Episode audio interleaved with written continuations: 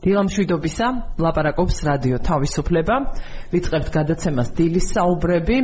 დღეს არის ხუთშაბათი და რადიო თავისუფლება საქართველოს პოლიტიკის ინსტიტუტთან ერთად გთავაზობთ დილის საუბრებს საგარეო პოლიტიკასა და უსაფრთხოებაზე. ჩვენ შევუდექით უკვე მეორე კვირა ეთერებს განვაახლეთ დილის საუბრები, ვინც ახლა შემოგვიერთდით პირველად იმათ გასაგონად ვიტყვი.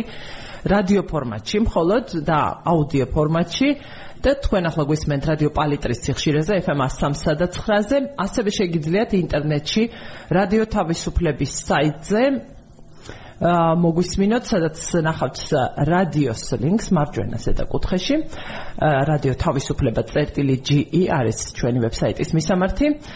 Facebook-ში ჯერჯერობით ვიდეო სტრიმი არ გვაქვს და იმედი მაქვს მალე შორ შორ მომავალში არ მოხდება ეს და მალე განვაახლებთ Facebook-ზე ვიდეო სტრიმსაც თუმცა Facebook-ზე ცხადია ყოველდღე ვაქვეყნებ ანონს გადაცემის გადაცემის თემისა და ასევე შეგიძლიათ აი ამ ანონსის ქვემოთ კომენტარების სივრცე გამოიყენოთ ჩვენთან შემოხმიანებისთვის. მივესალმებით თანაწამყვანს დღევანდელი რუბრიკით ნინო სამხარაძეს, რომელიც არის საქართველოს პოლიტიკის ინსტიტუტის პოლიტიკის ანალიტიკოსი. დილამშვიდობისა, ნინო. დილამშვიდობის, მივესალმები მსმენელს. და დღეს ჩვენ გამოვეხმაურებით, თუ შევეხმიანებით, არ ვიცი ასე ვთქვათ, მიუნხენის უსაფრთხოების კონფერენციას, რომელიც ხვალიხსნება საკუთრივ კონფერენცია, დისკუსიებს რაც შეეხება და სხვადასხვა პლატფორმებს, პანელებს, როგორც უწოდებენ, რომლებიც იქ გამართება და როგორც წესი არის ძალიან საინტერესო დღეს დილითაც შევამოწმე და დღის წესრიგი და მონაწილეების სპიკერები არ არის. ჯერ კიდევ გამოქვეყნებული გამოქვეყნდება მოახლოების კვალობაზეო კონფერენციის დაწყებისო. თუმცა კი ძალიან საინტერესოა ხოლმე რომ თვალი გადაავლო ამასაც და დაგეგმო ასე ვთქვათ შენი ინტერესის საგანი რომელია და რომელს მიადევნა თვალი სტრიმი იქნება ეს თუ ჩანაწერი მოგვიანებით. თუმცა მიუნხენის უსაფრთხოების კონფერენციამ გამოქვეყნა ანგარიში. აა ანგარიში სწორედაც ამ კონფერენციის წინ 2-3 დღის წინ გამოქვეყნდა ეს ანგარიში სადაც არის სხვადასხვა რეგიონის მიხედვით სოფლიოსი და სხვადასხვა სფერო, ასე ვთქვათ, განხილული. საფრთხეები იქ, რა სურათია, რა რისკებია დღეს და რა დამოკიდებულებები. ამ საფრთხეების მიმართ, როგორ იცვლება დინამიკა მათ შორის და უპირველეს ყოვლისა, რა თქმა უნდა, უკრაინაში მიმდინარე ომის, უკრაინის ძინავდე რუსეთის სრულმასშტაბიანი აგრესიის და უკრაინის თავდაცვითი ომის ფონზე და იცვლება ეს დამოკიდებულებები, ესა ჩვენ ამ მიუხედავად საფრთხების კონფერენციის ერთგვარმა გამოკითხვამაც. 12000 ადამიანი იყო გამოკითხული სხვადასხვა ქვეყნის. და საინტერესო აქცენტებია ძალიან საქართველოსში შიდა პოლიტიკურ სივრცეში განხილვის საგანი უпростоრად ეს ანგარიში და შინაარსი, მათ შორის და უპირველეს ყოვლისა საქართველოს ნაწილი განიხილება სამწუხაროდ ვიწროდ საქართველოს შიდა პოლიტიკური პრიზმიდან რაც თავისთავად ორიგوار არის, მაგრამ გაცილებით მნიშვნელოვანი არის უფრო ფართოდ სურათის დანახვა. და მინდა რომ სწორედ ამაზე ვილაპარაკოთ დღეს. და როგორც უნდა აა როგორც უნდა ამ შიდა პოლიტიკური მოხმარებისთვის თუ არ ვიცი როგორ დავარქვა პოლიტიკოსებმა დააკნინონ ან შეეცადონ დააკნინონ მიუნხენის უსაფრთხოების კონფერენციის მე-60 კონფერენცია ეს უკვე კონფერენციის მნიშვნელობა NGO-ა თუ ეს რა ქვია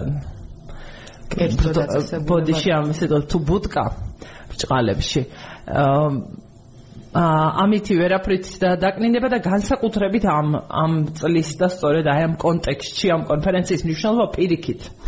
ამაზე დიდი ინტერესით არ ვიცი თუ კი ოდესმე ველოდებოდით ამ კონფერენციას. ეს არის კონფერენცია, რომელზეც სოფლიო ლიდერები აა რომელშიც მონაწილეობენ და თვითონ ეს ფორმატი სწორედაც არაფორმალური, ასე ვთქვათ, ხომ? იძლევა კიდევ უფრო მეტი განსჯის საშუალებას სწორედაც გადაწყვეტილებების მიმღებების მონაწილეობით. და არა მხოლოდ. არა მხოლოდ ქვეყნების ლიდერები თუ მთავრობების იქნება თუ პოლიტიკური ლიდერები, არამედ ანალიტიკური სფეროს ლიდერებიც და ძალიან მნიშვნელოვანია ხოლმე ამ ყველაფრის თვალყურის დევნება და თვითონ ეს ანგარიშიც იძლევა აი ამ სწორედაც ამ განწყობას და ამ სურათს რამდენად ესე თქვა კვალიფიციური და მნიშვნელოვანი არის ეს ანალიზი. ლუზ-ლუზ ვითარება, ანუ ვითარება, როცა ქვე სათაური, სათაური ამ ანგარიშისა, როცა როცა ვერავინ იქნება გამარჯვებული. ასეთი არის თარგმანი. პირდაპირ კი არ ვიცი ისე გვაქვს თუ არა მსგავსი ფრაზა ან ერთი სიტყვა ან ორი სიტყვა რომ ავწეროთ. და სწორედ აი ამაზე მინდა ვილაპარაკოთ. ახლა საქართველოს ნაცრისფერ ზონაში არა მხოლოდ საქართველოს მაგრამ საქართველოს მათ შორის და აა ამ ზონის დავიწროება, როგორც გამოწვევა, როგორც ამოცანა, როგორც მიზანია, ესეთად არის დასახული ამ ამ ანგარიშის ავტორების მიერ, არაერთი ავტორი ხავს. ცოტა გამიგზავნა სიტყვა და ხმა არ ამოვაღებინა. ნინოს გაცილებით და ბევრად და კვალიფიციურ წამყვანს ამ თანაწამყვანს ამ რუბრიკისა. და მინდა ახლა სწორედ შენ შენ დაგითმო ეთერი რა არის რა არის მნიშვნელოვანი შენი აზრით და რა იქნება? ცენტრალ პრაქტიკულად პროგრამა არის ხო? დღეს წესრიგი ეს არის აბა რა კი ზუსტად ეს ანგარიში დღის წესრიგია, თუმცა ზოგადად მანამდე პატარა შესავლით მეც შემოგიერთდებით თქვენ რა აქცენტებით დასვით? ერთგვარი ჩვენი საუბრის ანონსიც გამოვიდა ხა ის ნიუანსები ხო რაც აა თქვენ გააჟღერეთ თქვენს მონოლოგში.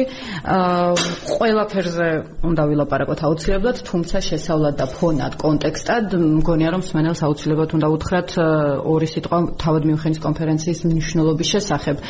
და რომ სინამდვილეში ის მართლა არ არის იმ ტერმინებით მოხსენიებული ფორუმი, რომელიც რომლებმაც გაიჟღერეს ჩვენში და პოლიტიკურ წრეებში. არ ვიცი, ყოველას თავისი ამოცანა აქვს, როცა აფასებს მიუხედის კონფერენციის და მიუხედის ანგარიშის ღირებულებას, მაგრამ მოდი პირველ რიგში ეროვნულ დონეზე და ქვეყნისთვის სახელმწიფო დონეზე ვიმსჯელოთ. მიუნხენის კონფერენცია რატო არის მნიშვნელოვანი და ეს ანგარიშიც რატო არის მნიშვნელოვანი. თავად მიუნხენის კონფერენცია თქვენ აღნიშნეთ მე-60-ად ტარდება, ძალიან დიდი ისტორია აქვს, ერთი მხრივ ის რომ ძალიან დიდი ისტორია აქვს, მაგრამ მეორე მხრივ ეს ისტორია მოიცავს საკვანძო მოვლენებს გლობალური უსაფრთხოების არქიტექტურის ჩამოყალიბების თვალსაზრისით. ასევე თქვენ ძალიან სწორად ახსენეთ და სადმე აუცილებლად უნდა ვაღიაროთ და ხაზი გაუსვათ უბრალოდ აი ამ ძალიან დიდ უპირატესობას, რომ ეს არის ძალიან ინკლუზიური ფორუმი. ინკლუზიურობა მდგომარეობს იმაში, რომ ძირითადი სახელმწიფოების არამხოლოდ გადაწყვეტილების მიმღები ან ძლიერი სახელმწიფოების, არამედ თუნდაც აი ამ უსაფრთხოების მიმღები ძირითადი სახელმწიფოების ძალიან დიდი კრება საქართველოს მათ შორის აი ამ გლობალური არქიტექტურის პროდუქტის მიმღებია ძირითადად, ხო? ჩვენ ძალიან პატარა ქვეყანა ვართ, მეტისმეტად პატარა იმისთვის, რომ მიმწოდებელი გავხდეთ ასეთ დროს უსაფრთხო უსაფრთხოების არქიტექტურისთვის რაღაცა პროდუქტის, მაგრამ აა როგორც მიმღები ქვეყნებისთვის, აი პატარა მცირე სახელმწიფოებისთვის, ეს არის უმნიშვნელოვანესი ფორუმი, როდესაც ჩვენ შეგვიძლია ერთი მხრივ ფორმალურ, მაგრამ ან ფორმალური დიპლომატიური შეხვედრებით ორ მხრივი თუ მრავალ მხრივი იმართება ხოლმე, აი საიდ ივენთებს, რასაც ეძახიან, ანუ გვერდითი და კი რაღაცა ასეთი, ანუ არა უშუალოდ კონფერენციის და პანელების ფარგლებში და ფორმატში, არამედ შენ შეგიძლია დაგეგმო ერთ ქალაქში, ერთ სივრცეში, შენთვის საინტერესო ამ ეტაპზე ეროვნულად მნიშვნელოვან სახელმწიფო პირებთან ვიზიტები. ამ ამავე დროს მიუნხენის კონფერენცია არის უდიდესი ფორუმი აი ამ მნიშვნელოვანი ანალიტიკოსების მოზიდვის რომ მოზიდვის გულისხმობ ერთ სივრცეში მათი შეკრების რომლებიც სთავაზობენ რაღაც ეტაპზე მეცნიერულ გადაწყვეტებსაც. კი იმ გადაწყვეტილების მიმღებებს რომლებიც როგორც წესი სხვადასხვა მოლაპარაკებების მაგიდებთან არიან ხოლმე და ხედავთ ხოლმე როგორც სახელმწიფოების ლიდერებს მედიაში. ასე რომ ამ ინკლუზიურობის ხარისხი საქართველოსნაირი ქვეყნისთვის, რომელსაც აქვს ძალიან შეზღუდული რესურსი, ძალიან შეზღუდული წვდომა ამაზე სოფლიო უსაფრთხოების მიმართულებით მიმდინარე ცვლილებებზე აი ამ ფონზე საქართველოს უნდა იყოს ის რომელიც ყველაზე მეტს უნდა ცდილობდეს რომ იყოს რაც შეიძლება აქტიურად იქ წარმოდგენილი რაც შეიძლება მაღალ დონეზე აიყვანოს თავისი თავი ამ კონფერენციაზე თავისი ინტერესები თავისი პოზიციები დააყენოს. რაც შეიძლება მეტ შეხვედრაზე ორ მხრივზე მრავალ მხრივზე პანელურზე და სადისკუსიოზე მრგვალმაგიდაზე ამ ფორმატების მრავალფეროვნებაც არის. ეს სამდღიანი ფორუმია და არ არის ცოტა ზოგადად. სამი დღე კონფერენციისთვის, ასე რომ საბოლოო ჯამში ეს მნიშვნელობა მინდა რომ სმენელმა ძალიან კარგად გაიაზროს მით უმეტეს როცა სულ ლაპარაკობთ და ეს სწორიც არის თუ ვინმე ჩვენ პოლიტიკურ ელიტაში ამას ხას უსვამს რომ საქართველოსთვის უსაფრთხოების გარემო ახლა არის ყველაზე მეტად უნიკალური ყველაზე მეტად ბეწვის ხიდის მსგავსი რაღაცა ფაქიზი მოსაფრთხილებელი საკითხი, ვიდრე ჩვენი ქვეყნის ისტორიაში ეს ყოფილა. ასე რომ მე მგონია რომ ახლა ყველაზე არასტრატეგიული, ვიწრო პარტიული ინტერესისთვისაც კი ყველაზე არასტრატეგიული ნაბიჯი იქნება თუ გადაწყვეტს ჩვენი პოლიტიკური ელიტა, შიდა პოლიტიკური ელიტა манипуლირება მოახდინოს რაიმე ფორმით, არ ვიცი, მიუნხენის კონფერენციის შესახებ ნარატივების, თუ მისი ხარისხის, თუ მისი ავტორიტეტის და ჩვენთვის მისი მნიშვნელობის გარშემო. აი ეს შესავალი მინდოდა პირველ რიგში მსმენელისთვის შემეთავაზებინა, იმიტომ რომ ეხლა შეგვიძლია გადავიდეთ შესაბამისად იმ საკითხებზე, რაც თუნდაც ანგარიშში ასახული, ვინც ეს საკითხები უნდა განიხილოს. ხო, მსმენელისთვის კი, კი, მსმენელისთვის ნათელი რომ იყოს გავრცელებული ინფორმაციით საქართველოს ხელისუფლებიდან კონფერენციაზე იქნება, იმიტომ რომ ჩვენი ყველა მსმენელი ცხადია ასე არც ძალიათ ან შეიძლება არადევნებდნენ თვალს ამბებს და პროცესებს წარმოადგენს საქართველოს პრეზიდენტი და საგარეო საქმეთა ministri და რამაც გამოიწვია ცხოველი დისკუსია თუ არ ვიცი როგორ დავარქვა. საქართველოსში ეს არის სწორედ ამანგარიში ამანგარიში მოხსენიება ივანიშვილისა როგორც პრორუსი ოლიგარქის და საქართველოს მართველი პარტიის დამფუძნებელი ასე არის მოხსენიებული. და წერია რომ სწორედ ივანიშვილს უნდა ეკისრებოდეს პასუხისგებლობა საქართველოსი დემოკრატიული უკუსლისა და ევროკავშირისგან გვერდზე გადგომის მცდელობებში. მიუხედავად იმისა რომ ეს ეწინააღმდეგება ქართული საზოგადოების უმრავლესობის სურვილებს უბრალოდ ნათელი რომ იყოს ჩვენი აუდიტორიისთვის რა გამოიწვია რეაქციები და ის რომ შემდეგ უკვე მართველი პარტიის წარმომადგენლებისგან დაიწყო შეფასებები თავარ საკითხად იქცა პრეზიდენტის კრიტიკა და ის რომ ის ოპოზიციის წარმომადგენელია საქართველოს ოპოზიციის და რომ ანგარიში დამახინჯებულია და რომ შეცდომაში შეიყვანეს ვიღაცებმა ვიღაცები.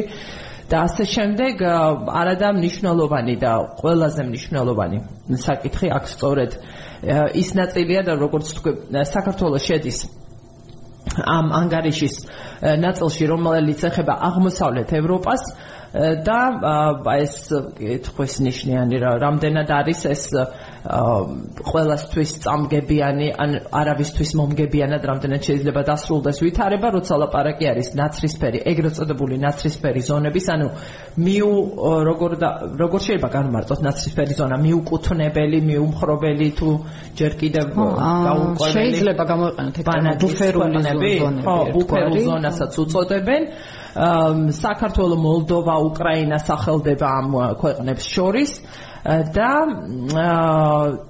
და რომ ევროპის დასავლეთის ამოცანა და რომ ამის მეტად გააზრება მოხდა უკრაინის უკრაინაში ომის ფონზე ამოცანა არის ამ ნაცრისფერი ზონების ზონის მინიმუმ დავიწროება ჩრდილები ნაცრისფერი ზონის ჩრდილები ასე ვთქვათ აქ შეიძლება რაღაცა უფრო ნაცრისფერი იყო ან ნაკლებად ნაცრისფერი და ასე შემდეგ.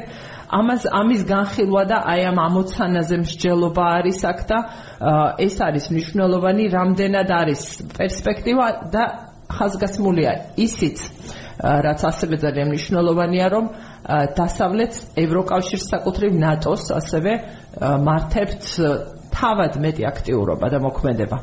ამ მიმართულებით უკეთესად არის გააზრებული ეს ამოცანა ამისი მნიშვნელობა ნაცრისფერი ზონის ამ საფრთხეებით გატენილობისა რომ იტყვიან თუმცა რამდენად მოხერხდება ამის დაძლევა ეს უკვე ბევრ რამეზე იქნება დამოკიდებული და მნიშვნელოვანია რომ ამაზე მსჯელობა იქნება და დაწუნებულები ვართ რომ იქნება მიუნხენის კონფერენციაზე. კი ზუსტად აი ზუსტად ეგეთი რაღაცები უნდა გადაწყდეს მიუნხენის კონფერენციაზე ამ დიდი შეკრებების ფარგლებში თუ ჯერ ერთი ესე ჩრდილები თუ ელფერები ვის როგორი ადევს ამ ნაცრისფერ ზონაში და მე ამის მიხედვით იგეგმება როგორც წესი ინდივიდუალური თუ თუნდაც რეგიონული მაგრამ მაინც უნიკალური მიდგომა ნაშრომები აი ამ ნაცრისფერ ზონაში მოქცეული სხვადასხვა აქტორების მე ის რომ ნაცრისფერ ზონად არის გარკვეული ტერიტორია მოქცეული ეს იმას არ ნიშნავს აუცილებლად რომ ეს ტერიტორია არის აუცილებლად ერთგვაროვანი.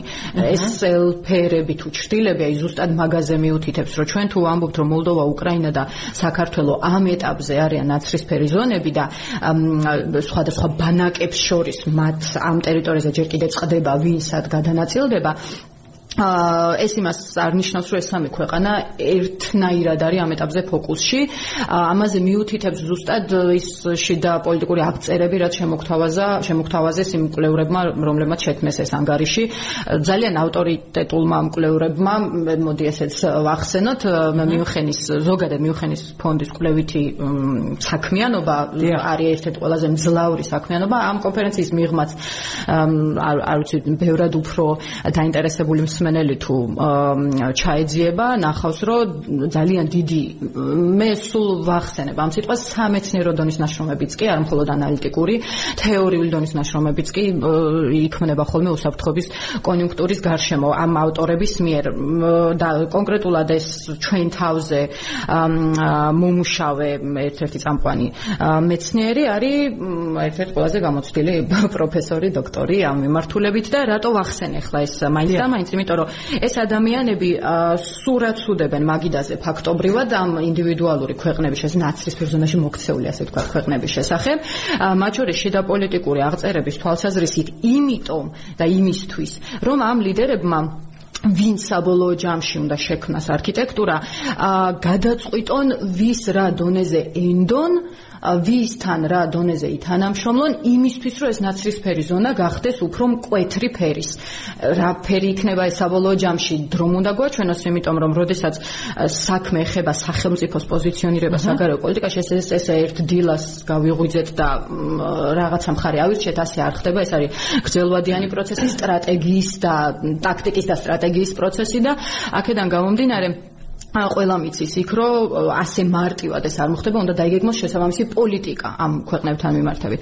პოლიტიკა ცხადია აბსოლუტურად ფუნდამენტურად სხვანაირია უკრაინასთან მიმართებით, როდესაც მაგალითისთვის ეხა ოდნავ შეიძლება თემას ავწდე, მაგრამ კონტექსტისთვის ძალიან მნიშვნელოვანია, რომ ევროკავშირის საგარეო პოლიტიკასთან 100%-იანი თავსებადობა აქვს და საქართველოსთან მიდგომა შეიძლება სხვანაირად ჩამოყალიბდეს, მაშინ როდესაც მისი მიდგომები, სტრატეგიები არ არის ნახევარზე ადრე ვიყავით ოდნავ მეტი და ეხა იმ ნახევარსაც ჩამოთვით 46-48% გულისხმობს საგარეო პოლიტიკური ხედვების თავსებადობა, უსაფრთხოების მიმართ თავსებადობა, ეს თავსებადობა თუ არ დევს მაგიდაზე ლიდერების მოლაპარაკებების ფორუმებზე ასე ვთქვათ, ცხადია იქ ცოტა სხვადასხვანაირად დაიგეგმება მიდგომები ჩვენ მიმართ და აი ამ ფონზე, როდესაც პროაქტიულობაზეც აღარ არის ლაპარაკი ჩვენი ქვეყნის მხრიდან პროაქტიულად ვიმუშავთ, ვემუშაოთ ამ სახელმწიფოებს მიუხენის ფორუმის ფარგლებში, არამედ იმაზე ალაპარაკი აა რომ თქვა ჩვენ სახელმწიფოს წინააღმდეგ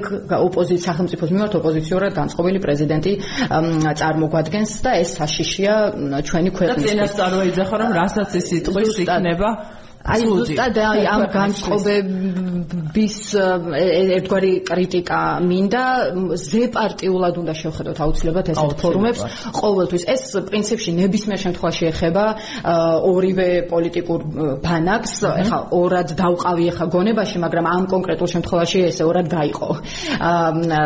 მიუნხენის კონფერენციის ანგარიშის გარშემო ეს ესე მობილიზდა საბოლოო ჩვენი პოლიტიკური ელიტა აქედან გამომდინარე ორივე ბანაკმა ძალიან ფრთხილად უნდა არჩიოს ის ტერმინები და შეფასებები, რომლებსაც აკეთებს მიუნხენის კონფერენციასთან მიმართებით და რა თქმა უნდა მე ველი რომ ორი დიპლომატი მიდის ჩვენი ქვეყნიდან ამ ეტაპზე. სამწუხაროა რომ არა პრემიერი, თუმცა მიხარია რომ პრეზიდენტი მაინც ამ სახელმწიფოს სამეთაურო დონიდან ერთი ტიპის უმაღლესი პოზიციის მქონე წარმომადგენელი მაინც იქნება იქ ფორუმზე.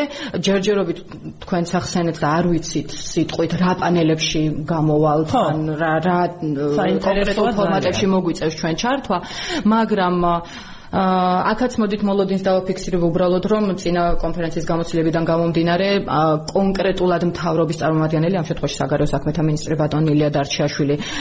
თუ კი რომელიმე პანელში მონაწილეობას მიიღებს მე არ მგონია რომ ეს იყოს ისეთი პანელი, რომელიც გლობალურ უსაფრთხოებაზე იმსჯელებს, აი უკრაინის გარშემო მობილიზებაზე ან ასე შემდეგ, ყოველ შემთხვევაში წინაწლის გამოცდილებით თქვათ, რომ რაღაცა უფრო ვიწრო როლი შეიძლება მოგვენიჭოს. მე არ მგონია, რომ ეხლა საქართველოს როლი გაზრდილიყო მიუხენის აჯენდაში დღის წესრიგში, ასე ვთქვათ.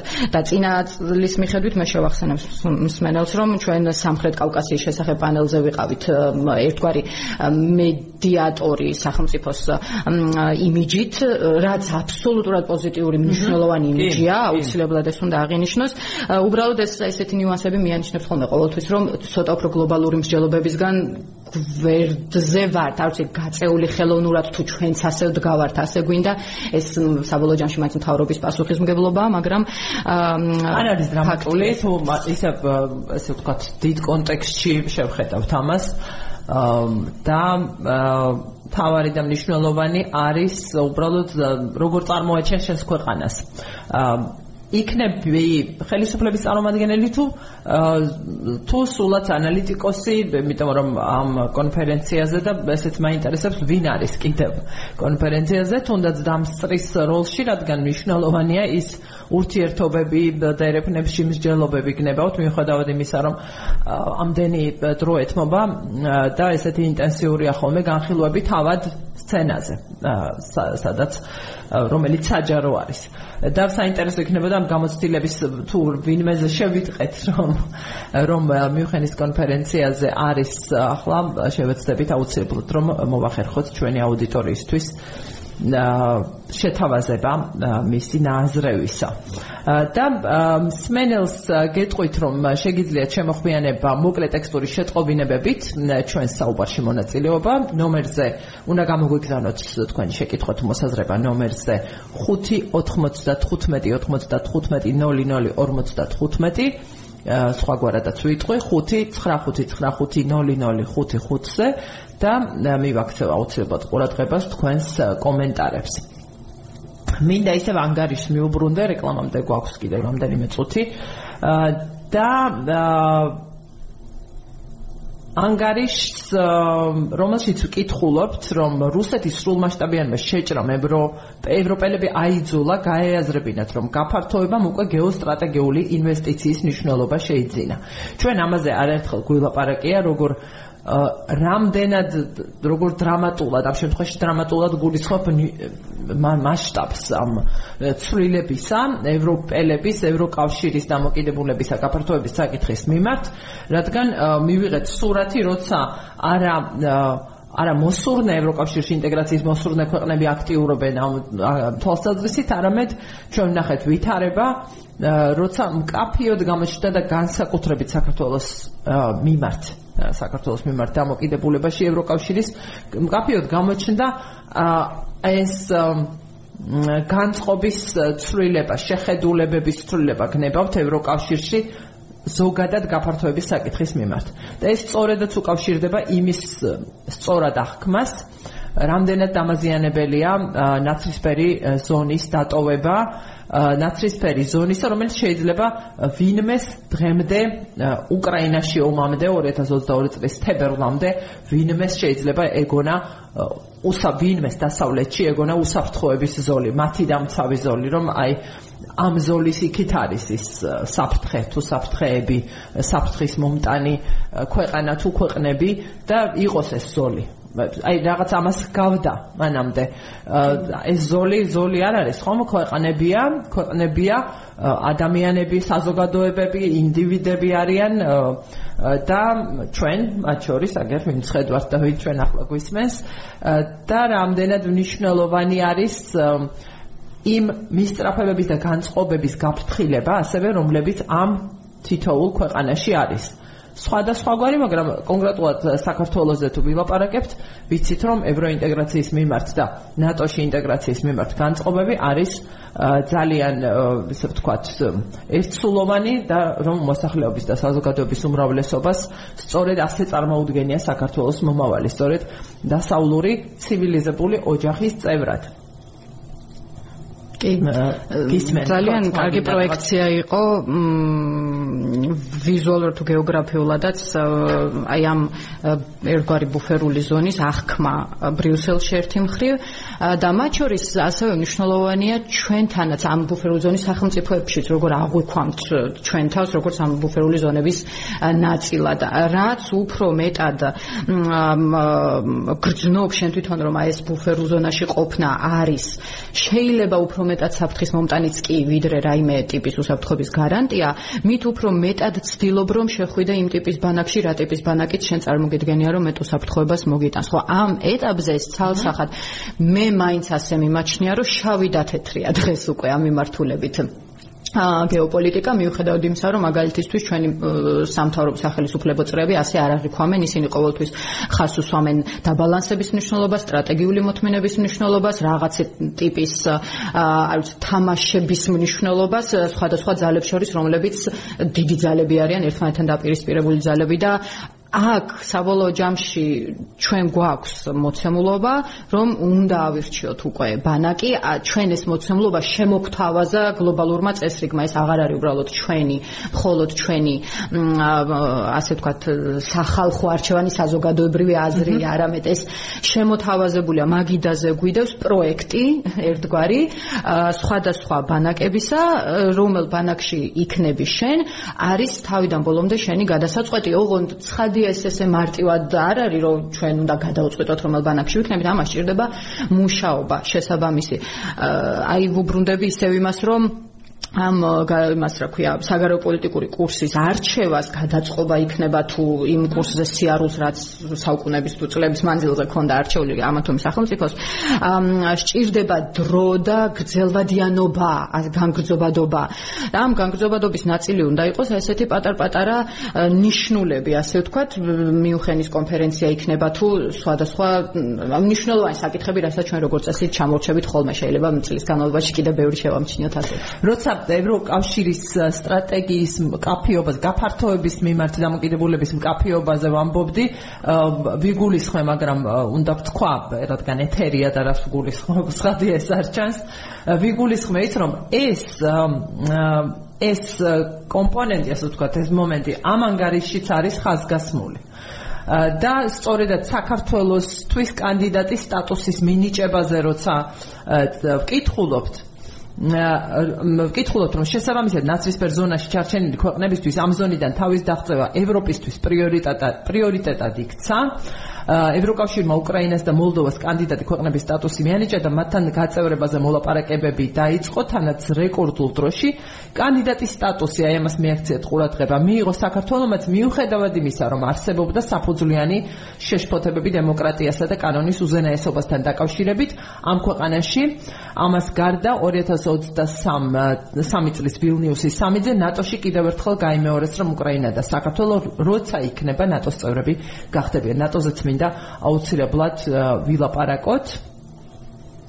და მაინც მიუხედავად ზეპირ დაპირებებისა რომ აღმოსავლეთი ევროპა ნაცრის პერსონას თავს დააღწევს ბუნდოვანი რჩება. ის თუ რა დრო დასჭირდება ამას და არიან თუ არა მზად ტრანსატლანტიკური პარტნიორები საჭირო ფასი გადაიხადონ. ნატოს დაპირება კიევისა და თბილისისთვის. ბუნდოვნად რჩება და ამაზეც გულაპარაკია და კიდევ მეუბრუნდებით ცალკე ეთერშიც ამ თემას მოკავშირეები თავს იკავებენ კონკრეტული ნაბიჯებისგან და გარანტიების მიცემისგან უკრაინისთვის, რომელიც ცხელომშია ჩართული. სწორედაც უპირველესად უკრაინისთვის გარანტიებზე არის. გარანტიები ახლა მნიშვნელოვანი და ვიცით და ასე ცხადდება ყოველას მიერ უკრაინის ყველაზე გულმხრვალე ნატოს წევრი ქვეყნების მიერაც, რომ ომის დასრულებამდე ეს არ მოხდება. ალიანსში გაწევრიანება უკრაინისა მიუხედავად იმ დიდი სურვილისა, რაც უკრაინას აქვს. რეკლამის დრო ახლა საუბარს გავაგრძელებთ, უბრალოდ რადიო მსმენელს ვეტყვი, რომ რამდენიმე წუთით დაგტოვებთ და შემოვალთ რამდენიმე წუთში დაგიბრუნდებით კლავ რადიო ეთერში, უწყვეტად ვაგრძელებთ ინტერნეტ ინტერნეტ ეთერს, ასე ვთქვათ. თუ თუ კი გაქვთ საშუალება ინტერნეტში გადმოერთეთ რადიო თავისუფლება წერტილი G-ზე. და ხო აი ამ თემის გაგრძელება მინდა ახლა რამდენიმე წუთი რომ დავუთმოთ და შემდეგ რო დაუბრუნდებით უკვე რადიო ეთერში მსმენელების კომენტარებს წავით. კი ბატონო, რეალურად აი ამ პათოსის გამოხმაურების კონტექსტში თავად ანგარიშივე მოიცავს იმ ევროპელი ლიდერების ხედვებს, ინდივიდუალური ევროპელი ლიდერების ხედვებს, რომლებიც საბოლოო ჯამში ქმნიან ამინს ევროკავშირში, ხო? პოზიციურ ამინს, ასე ვთქვათ, ევროკავშირში და არსებობენ კონკრეტული ლიდერები, მაგალითად, მოდი რადგან მიუნხენის კონფერენციაზე ვსაუბრობთ, გერმანელ პოლიტიკოსებზე ვისაუბროთ.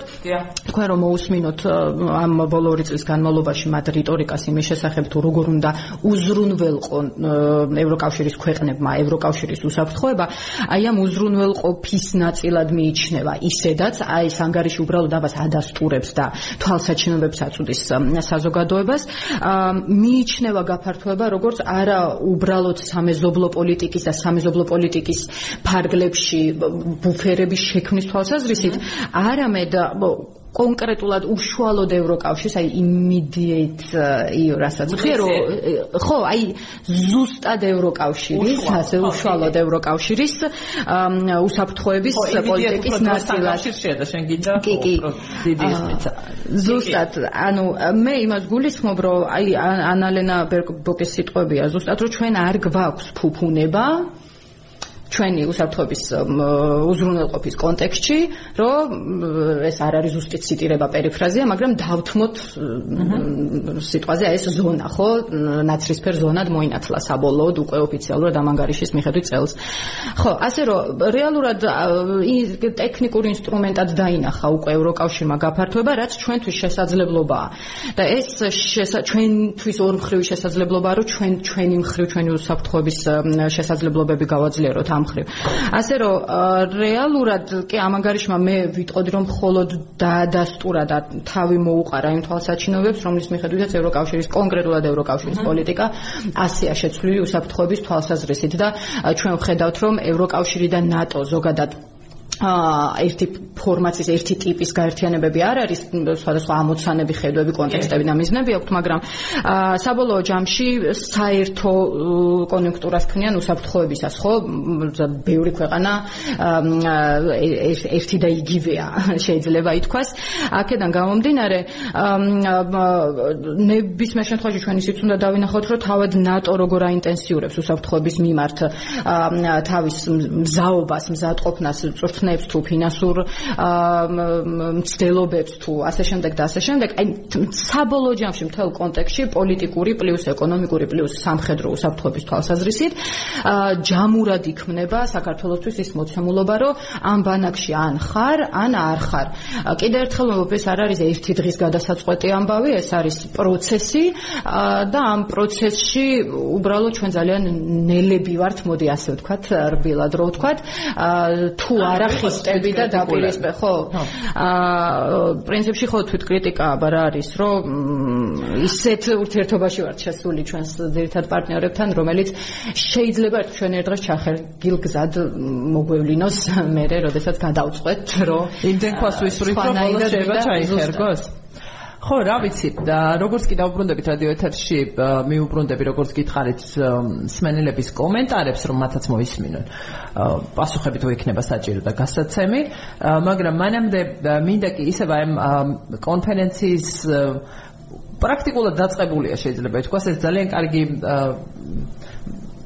სისტემა მიდგომა არის თავად კონფერენციის რომ ეს ანგარიში ესე იდება რამდენიმე დღით ადრე განწყობის შესაქმნელად დღის წესრიგზე ფიქრის დასაწყებად და ძალიან ეხმარება იმ ადამიანებს ვისაც აინტერესებს ეს ყველაფერი რომ მომზადებული შეხვდეს საკუთრივ აი შეხვედრებსა და დისკუსიებს რომლებიც გამართება სწორედაც ამ კონფერენციის ფარგლებში და ველოდები და რადიო პალიტრის ეთერში ვართ კლავ რეკლამა დასრულდა რადიო პალიტრაზე და ვინც ახლა შემოგვერთით, გეტყვით რომ თქვენ უსმენთ რადიო თავისუფლების დილის საუბრებს და ხუთშაბათობით რადიო თავისუფლება საქართველოს პოლიტიკის ინსტიტუტთან ერთად წარმოგიდგენთ რუბრიკას დილის საუბრები საგარეო პოლიტიკასა და უსაფრთხოებაზე. თანაწამყვანი ამ ხუთშაბათის ეთერების გახლავთ ნინო სამხარაძე საქართველოს პოლიტიკის ინსტიტუტს წარმოადგენს ის. მე ვარ ნინო გელაშვილი რადიო თავისუფლების ჟურნალისტი დილის საუბრების წამყვანი და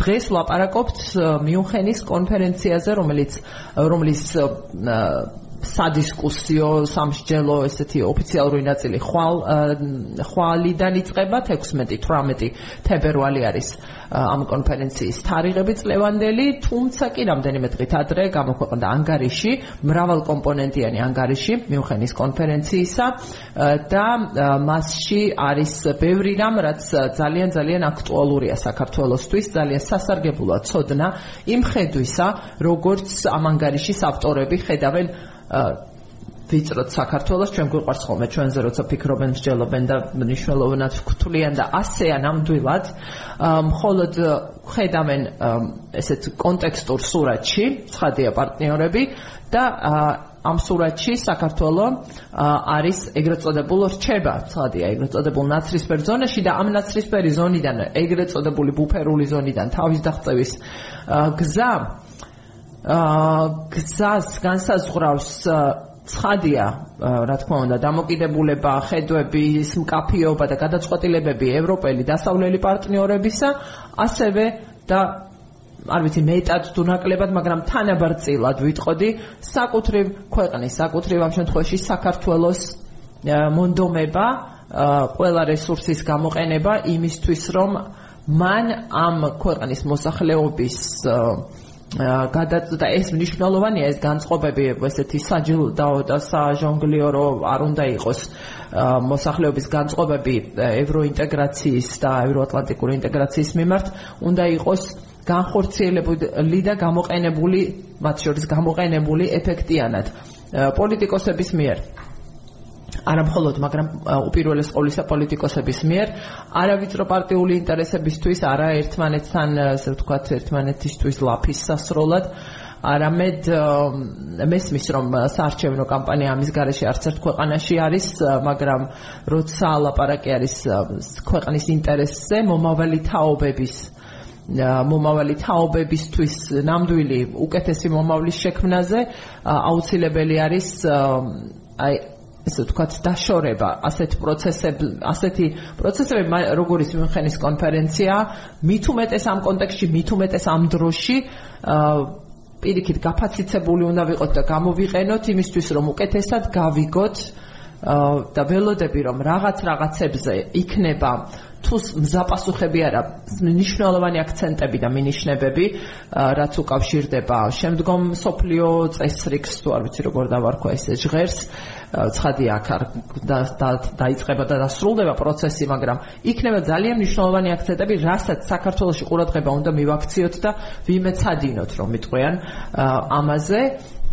და ბრძანერის ითქმაც გსურთ ნინო და გადავალ კომენტარებს ერთი თემა არის აუცილებლად რომლითაც მე პირადად პაზლს მთლიანად დავხურავ. თემები თქვენ სწორად ახსენეთ რომ ეს რეპორტი რო ანგარიში როდესაც ქვეყნდება რამდენიმე დღით ადრე კონფერენციამდე დაახლოებით არ ემთხვევა ხოლმე მაინც ზუსტად პანელებს და ან ან თემებს ხო არ გვთავაზობთ მაგრამ დაახლოებით მე მაგალითად ანგარიშის მიხედვით ველოდები აუცილებლად რომ ერთი პანელი მაინც იქნება ან პანელში რამე კითხვა მაინც დაეთმობა რეჟიმებს და ეს ბანაკები ამდენს რომ ლაპარაკობთ გადანაწილებები ნაცრისფერ ზონებთან როგორ უნდა მოიქცეს ასე ვთქვათ ევროკავშირი თუ სხვა კიდევ უფრო დიდი მოთამაშეები. რეჟიმული გადანაწილებაც იქნება ერთ-ერთი მნიშვნელოვანი ავტორიტეტები versus ასე ვთქვათ დემოკრატიები. და ავტორიტარები ბოდიში. და აი ეს ავტორიტარული რეჟიმების შესახებ მსჯელობა მათ შორის პოპულისტური ავტორიტარიზმისკენ მიდრეკილი რეჟიმები თავად ევროკავშირის შიგნით რომ აღარაფერი ვთქვათ ჩვენი ტიპის სახელმწიფოზე სადაც დემოკრატიული უკუსლა თავად ამ ანგარიშივეა ხაზგასმული განსხვავებული შიდა პოლიტიკური ნიუანსია, მაგრამ უსაფრთხოების და გეოპოლიტიკის თვალსაზრისით ძალიან მნიშვნელოვანი გასათვალისწინებელი ფაქტორია ყოველთვის სხვადასხვა სახელმწიფოების მიერ გადაწყვეტილების მიღებაში. ასე რომ ამ ბანაკებში გადანაწილების შესახებაც ალბათ ძალიან საინტერესო აქცენტები გაკეთდება და ჩვენთვის განსაკუთრებით იქნება ეს საინტერესო, იმიტომ რომ ჩვენ სულ გვაქვს ეს კრიტიკა ჩვენი დემოკრატიის მიმართ ყოველ წელს თითო ქულა თუ ორი ქულა გვაკლდება ამ მიმართულებით, ქულებს რო თავი დავანებოთ ამ სხვადასხვა ინდექსების მიხედვით. ყოველ წელს რაღაც ახალი არ ვიცი ისინი ბარიერები ხვდება ჩვენ დემოკრატიას ახალ-ახალი ველოსიპედები ანტიდემოკრატიული განვითარების მიმართულებით არის ხოლმე გამოჩნდება ხოლმე. თბილისის ქუჩებში თუ პარლამენტში თუ არ ვიცი ყველა სფეროში სადაც პოლიტიკა კეთდება ქვეყანაში და აქედან გამომდინარე ამ მიმართულებით რა აქცენტები დაისმება ესე ძალიან საინტერესო იქნება. კიდევ ერთხელ მოგობ ველი რომ ცალკე პანელი თუ არა რაღაცა ტიპის მნიშვნელოვანი დისკუსია მაინც მიეძღვნება რეჟიმები ვის მიხედვით ბანაკებად გადანაწილებას აი ამ ძალიან საინტერესო მომენტი არის აქ ის რომ ამ ანგარიში ხო აქ არის ძირითადი ესე თქვათ როგორ თქვა კონტურები მონახაზი ძალიან საინტერესო დახატული სურათი და ნიშანდობლივი ის არის ჩვენ გვიყვარს ხოლმე რაღაცების გამარტივება. რა თქმა უნდა არაფერი უნდა გავართულოთ იმაზე მეტად ვიდრე არის მაგრამ რაღაცების ძალიან გამარტივება გვიყვარს გაპრიმიტიულება რაღაც გონია რომ მარტო ჩვენ გვჭირს ან ან ჩვენ ვართ რაღაც გამოწვევების წინაშე, მაგრამ როცა გლობალური სურათის აღწერას ვადევნებთ თვალს ამ ანგარიში, აქაც არის აი როცა რის პარალელს პარალელზე ვლაპარაკობ ახლა ავხსნი როცა აი ხო მსჯელობთ და გვითქვამს არაერთხელ ახლაც თქვით რომ უნდა შევხედოთ პროცესებს და პრობლემებიდან გამ პრობლემების გადაჭრის გზები უნდა დავინახოთ. ვიწრო პარტიულ და პარტიულ ინტერესებზე მაღლა აუცილებლად როცა ქვეყნის ინტერესებზეა ლაპარაკი მაგრამ როცა გლობალური უსაფრთხოების ინტერესებზეა ლაპარაკი ამ ანგარიში ხაზგასმულია ეს გამოწვევაც რომ ახლა არის ვითარება როცა ის ის სოფლიო ესე ვთქვათ ლიდერი ქვეყნები სახელდება კონკრეტულადაც დიდი შვიდიანის შვიდეულის ქვეყნები. თუ კი ამ თელს ამ სისტემას უსაფრთხოების რაღაც უფრო მთლიანობაში ხედავდნენ, მეტნაკლებად მაინც დაკმაყოფილებული იყვნენ გარკვეულ ეტაპზე ისტორიისა ამ ამით და იქმნებოდა საერთო დოვლათი ესეც ფართო გაგებით უფრო ვიდრე მხოლოდ ეკონომიკა და თვლა არის ახლა უფრო შეიმჩნევა ის რომ ცდილობენ აი და ეს არის შეცდომად წარმოსახული რომ თითოეული ქვეყანა შეიძლება ახლა ფიქრობდეს აი ამ სიტუაციაში თავად სხვაზე მეტად როგორ მოიგოს რაც არის დამაზიანებელი მთელი გლობალური უსაფრთხოების პროცესისთვის. ანუ დიდი მოდელი არის იმისა, რაც საქართველოსში გვჭირს და ძალიან სასარგებლოა ხოლმე ხშირად აი ასე დანახვა პროცესების როგორც ქვეყნის შიგნით ისე გარეთ რომ მივხვდეთ რა ხდება. და ბევრ რამეში ბევრ ბევრი გამოწვევის კუთხით საქართველოს არ არის უნიკალური ქვეყანა და აი ეს პესიმიზმის და თითქოს პესიმიზმა რომ შეჭამა ოპტიმიზმის დიდი ნაწილი და ახლა ცოტა ზეიმობს ეს ზოგადად არის გლობალურად არის ასე. და მენიშნა ახლა ამ ანგარიში გუშინ ძალიან საინტერესო საუბარი ჩავწერე და იმედი მაქვს რომ მალე მოვერები ასე ვთქვათ თარგმანს და ახლო მომავალში შევთავაზებთ ჩვენს აუდიტორიას. ერთ საინტერესო მოაზროვნესთან რომელმაც მარტივი რამ თქვა ამ ვითარებაში ამერიკელი გახლავთ ფილოსოფოსი მარტივი რამ თქვა რომ კლავაც, აი როგორც ყველაფერში და ცხოვრებაში მნიშვნელოვანია, როგორ მივუდგებით საკითხს. მიუხედავად იმ ყველაფრისა, რა პრობლემებსაც აღწერთ და ვლაპარაკობთ, აა ოპტიმიზმი უნდა ბოლომდე, იმიტომ რომ ეს მუშაობს. ოპტიმიზმით მიდიხარ. მიზნისკენ თუ ასე ვთქვათ, მხრებ ჩამოყრილი მიდიხარ თუ გამართულად ცდილობ ბოლომდე თუნდაც თუნდაც ეს თქვა შენ ამას შეეწირო რაღაც ეტაპზე ფიზიკურად თუ მორალურად, მაგრამ მნიშვნელოვანია რომ სანამ იბრძვი, განწყობა კონდეს სწორედ ოპტიმისტური, რადგან ეს მუშაობს და რამდენიმე მაგალითი მოხავს და ასევე თავარია ესეთი გლობალური გამოწვევა, როგორ გამიგრძელდა სიტყვა რა რამჭირს არის. ძალიან საინტერესოა. თავარი გლობალური გამოწვევა არის ასევე ამ ინტერვიუს მიმართ ინტერესი მინდა გავაღვიძო. და ეს ასეა, ვიწრო სურათშიც და ფართო სურათშიც არის სიმართლის ძებნა. და ჩვენი ეთერების მიზნად ამბიციური მიზანია ძალიან, მაგრამ ამას ვხედავ ჩვენს მსჯელობაში სწორედ და ახლა მსმენელების დრო დადგა ნამდვილად რომ მათთან ერთად ვეძებოთ ეს სიმართლე, სიმართლის ძებნა და ერთმანეთს დავეხმაროთ ამ სიმართლის ძებნაში და რომ განვასხვაოთ ვინ ცრუობს საკუთარი ვიწრო და კერძო ინტერესისთვის და ვინ მეტ სიმართლეს ამბობს და ვინ ნაკლებს და ასე შემდეგ. აბა ვნახოთ რას გწერენ. მსმენელები დიდი მადლობა უპირველეს ყოვლისა რომ გვისმენთ და წერენ ასეთ რამეს. შარლ მიშელი ერთი მსმენელი წერს. შარლ მიშელი მაკრონის მაკრონის სიტყვებია არ უნდა იყოს ვასალი ამერიკის როდ არ უნდა იყო ვასალი ამერიკის როდემდე უნდა ვიყოთ პათხალიმი რუს ხო ეს ჭალებში ვიტყვი. ერი თავმოყარეობა ხო გვაქვს ბოლოს და ბოლოს.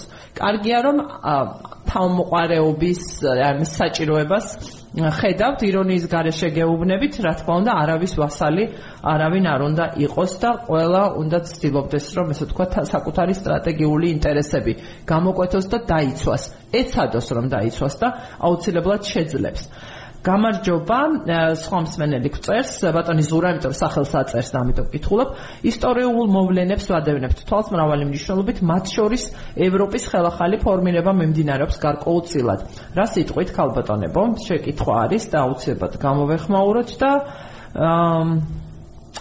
მე და კიდევ ერთი მსმენელი შეძლებს კი მარტო ევროპა უკრაინის დახმარებას გამარჯვებამდე. თუ შეატოვებს ხელში რუსეთს ჯერ უკრაინას და მერე საქართველოსა და მოლდოვას. აი ესეთი შეკითხვები შემოგთავაზ შეკითხვებით მოგმართა. მსმენელმა ნომერი მოკლე ტექსტური შეტყობინებების გამოსაგზავნად არის 595500555. გისმენინა. დიდი დიდი მადლობა მსმენელს, კარგი თემების და ახლა ადვილი გამოსავალი უნდა. აა ძალიან მნიშვნელოვანი თემების შემოთავაზებისთვის კი აა ყოველას სამივე აქცენტი საკვანძოდ მნიშვნელოვანია ჩვენთვისაც და სოფლიოსთვისაც უფრო გლობალურად რომ შევხედოთ საკითხს. თავმოყარეობის საკითხზე რომ დავუსვათ აქცენტი ჩვენ ამ რაღაც ეტაპებზე მე მგონი ამ ეთერშიც გვისაუბრია, თუმცა ჩვენი ქვეყნის პოლიტიკური ცხოვრების იმ ეტაპზე, როდესაც ღირსებაზე იყო ძალიან ხშირად ხოლმე საუბარი ევროკავშირში ღირსეულად შევიდეთ თუ არა ღირსეულად უნდა შევიდეთ თუ ასე შემდეგ ძალიან ბევრი გვისაუბრია ამის შესახებ, რა არის ღირსების როლი ზოგადად როცა პოლიტიკას აკეთებდა რა განმარტებას აძლევს მაგალითად მსმენელი ვასალობას, იმიტომ რომ არსებობს მოცემულობები საგარეო პოლიტიკაში, როდესაც შენ ხარ პატარა ქვეყანა, არსებობენ დიდი ქვეყნები და შენ მაქსიმალურად მოდი ასე ვიტყვი ცოტა ის არა ფორმალურად. სმარტულად ჭკვიანურად უნდა მიიღო რაც შეიძლება მეტი სარგებელი მეტი პროდუქტი აი ამ დიდი სახელმწიფოებისგან რომლებიც აი მე შესავალში ვახსენე ტერმინები არიან მიმწოდებელი გლობალური პოლიტიკისა საერთაშორისო არენაზე. არსებობენ ქვეყნები ჩვენაირი ქვეყნები მაგალითად პატარა სახელმწიფოები პატარა რესურსების მქონე სახელმწიფოები რომლებიც მიმღებები ვართ ხოლმე ამ პროდუქტის. ის რომ შენ ხარ ამ პროდუქტის მიმღები ანუ მაგ მაგიდაზე რა კონფიგურაციაც გაქვს საგარეო პოლიტიკის ბოდიში საერთაშორისო წესრიგის თვალსაზრისით ამ პროდუქტის მიხედვით შენ აბალანსებ. მე რა შენ საკუთარ პოლიტიკას ამ ვისთან რა ტიპის ორმხრივი ურთიერთობა გქონდეს ვისთან ხისტი იყო ვისგან დაიცვა თავი და ასე შემდეგ. აი ამას როდესაც ანაწილებ ეს ეს თუ იმ შემთხვევაში თუ რომელიმე მსმენელი ამას აღიქვამს თავმოყარეობის შელახვა და ნუ თავმოყარეობად აა მინდა ვუთხრა რომ სტრატეგიულად ეს არასწორია. პირიქით ჩვენმა ქვეყანამ რაც შეიძლება მეტად უნდა ეძებოს ვისგან მიიღოს სარგებელი. თან იმ ფონზე როდესაც ჩვენ არ ვართ კიდე ერთხელ ვამბობ გლობალური უსაფრთხოების მიმწოდებელი მნიშვნელოვანი კონტრიბუტორი ვართ გეოპოლიტიკურად მაგრამ როგორც ასეთი ამინდის შემქმნელები არ ვართ. ასე რომ საბოლოო ჯამში ეს თავმოყარეობის განსაზღვრა საგარეო პოლიტიკის კეთებისას განსაკუთრებით ახლა ჩვენ არ ვამბობთ საშინაო პოლიტიკაზე პარტიულ გადანაწილებებზე და ასე შემდეგ და ასე შემდეგ. საგარეო პოლიტიკაში ცოტა სხვანაირად ლაგდება ხოლმე და ვასალობის მომენტი აქ ცოტა სხვა რაღაცას ნიშნავს. ვასალი არის მაგალითად ბელარუსი რუსეთის.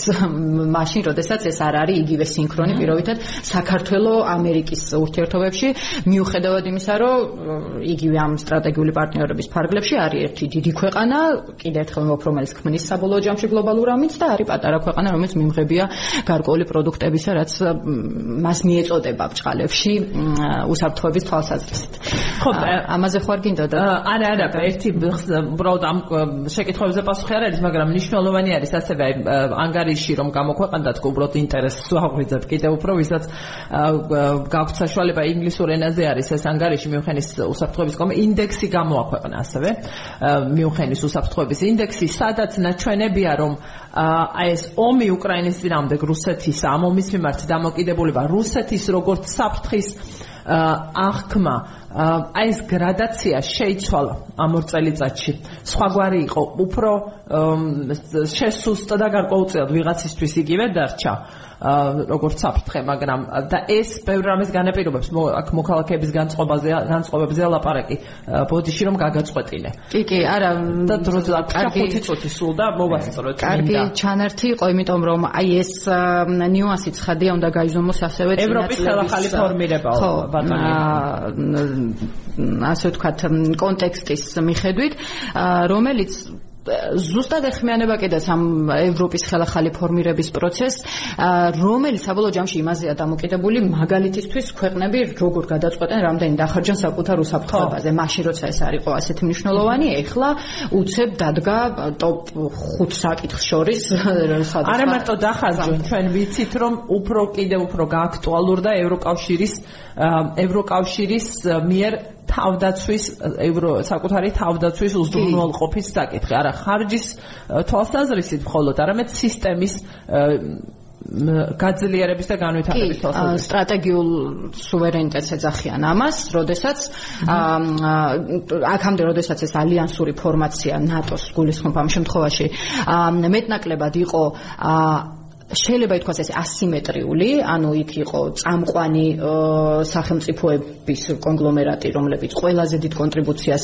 რომელთა ყველაზე დიდი ხო ახლაც არის, ხო, უბრალოდ ეს ბალანსი უფრო ეს გეპი, ასე ვთქვათ, შუალედი მცირდება უფრო, იმიტომ რომ ევროპის სახელმწიფოები თანდათან ევროპის წამყვანი სახელმწიფოები ახლა მე არ მაქვს ცალკეულ დიეტულაზე პირობითად ან ლატვიაზე, რომლებსაც მცირე რესურსი აქვთ შედარებით სხვა დიდ სახელმწიფოებთან შედარებით. გერმანია საფრანგეთი ღერძად შეიძლება მოინათლოს ამ შემთხვევაში რომლებიც ძალიან აქტიურად იღებენ თავის თავზე. შეიძლება ითქვას ყოველ შემთხვევაში პროცესი დინამიკა ასე ჩანს რომ იღებენ თავის თავზე ჩამოაყალიბონ ევროპა როგორც დამოუკიდებელ აქტორად უსაფრთხოების შექმნაში.